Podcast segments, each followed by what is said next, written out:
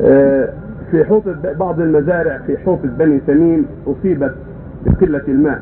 وقد حفر أحد المزارعين في مزرعته ثلاثة آبار آه، في حوض بني تميم أصيبت آه، الأرض بقلة الماء.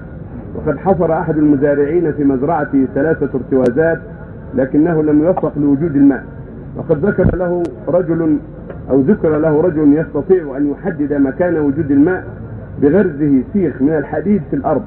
فإذا اهتز السيخ استدل هذا الرجل على وجود الماء في هذه الأرض ويقول احفر هنا وستجد إن شاء الله الماء وقد فعل صاحب المزرعة فوجد ماء غزيرا حلوا.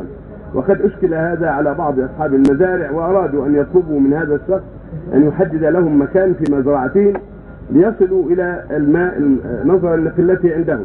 لكنهم توقفوا في هذا. خوفا من أن يكون هذا الرجل يعمل يستعمل الشياطين. فنرجو الاجابه عن هذا السؤال مع الملاحظة أن هذا الرجل مسن ويبدأ عليه ويبدو عليه الصلاح أفيدونا مأجورين.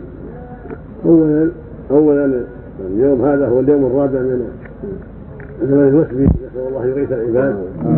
وأن ينزل البركة على المسلمين. يمن عليهم بالغيث المبارك في قلوبهم وفلاتهم بالإيمان والهدى وبالغيث المبارك. ثانيا هناك علامات ودلائل على وجود الماء. يعرفها الناس المختصون ليس من باب الكهانه ولا من باب استخدام الشياطين.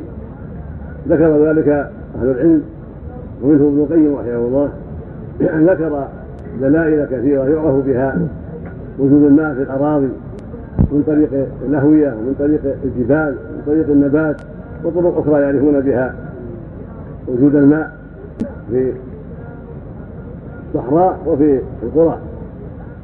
وهم ناس يعرفون قد جربوا ولكن ليسوا يعني معصومين من الخطأ قد يخطئون قد يغلطون.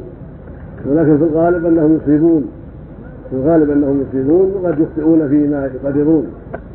فإذا وجد من يستدل على الماء بعلامات يقول إنه يعرفها سواء بالصيغ أو بغير الصيغ أو بأي شيء وجرب ذلك ولم يعرف عليه أنه يدعو الجن أو يستغيث بالجن أو يعمل أشياء منكرة فلا مانع من الانتفاع به والاستفادة منه.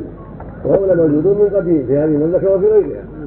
وفي حال أيضا الناس معروفون أيضا بهذا الشيء فالمقصود أن هذا له ناس يعرفون هذه الأشياء.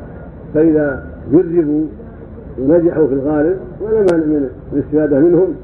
إلا إذا عرف أن واحدا منهم أو جماعة منهم يتعاطون امورا منكرة فحينئذ يمنعون. نعم. آه نعم.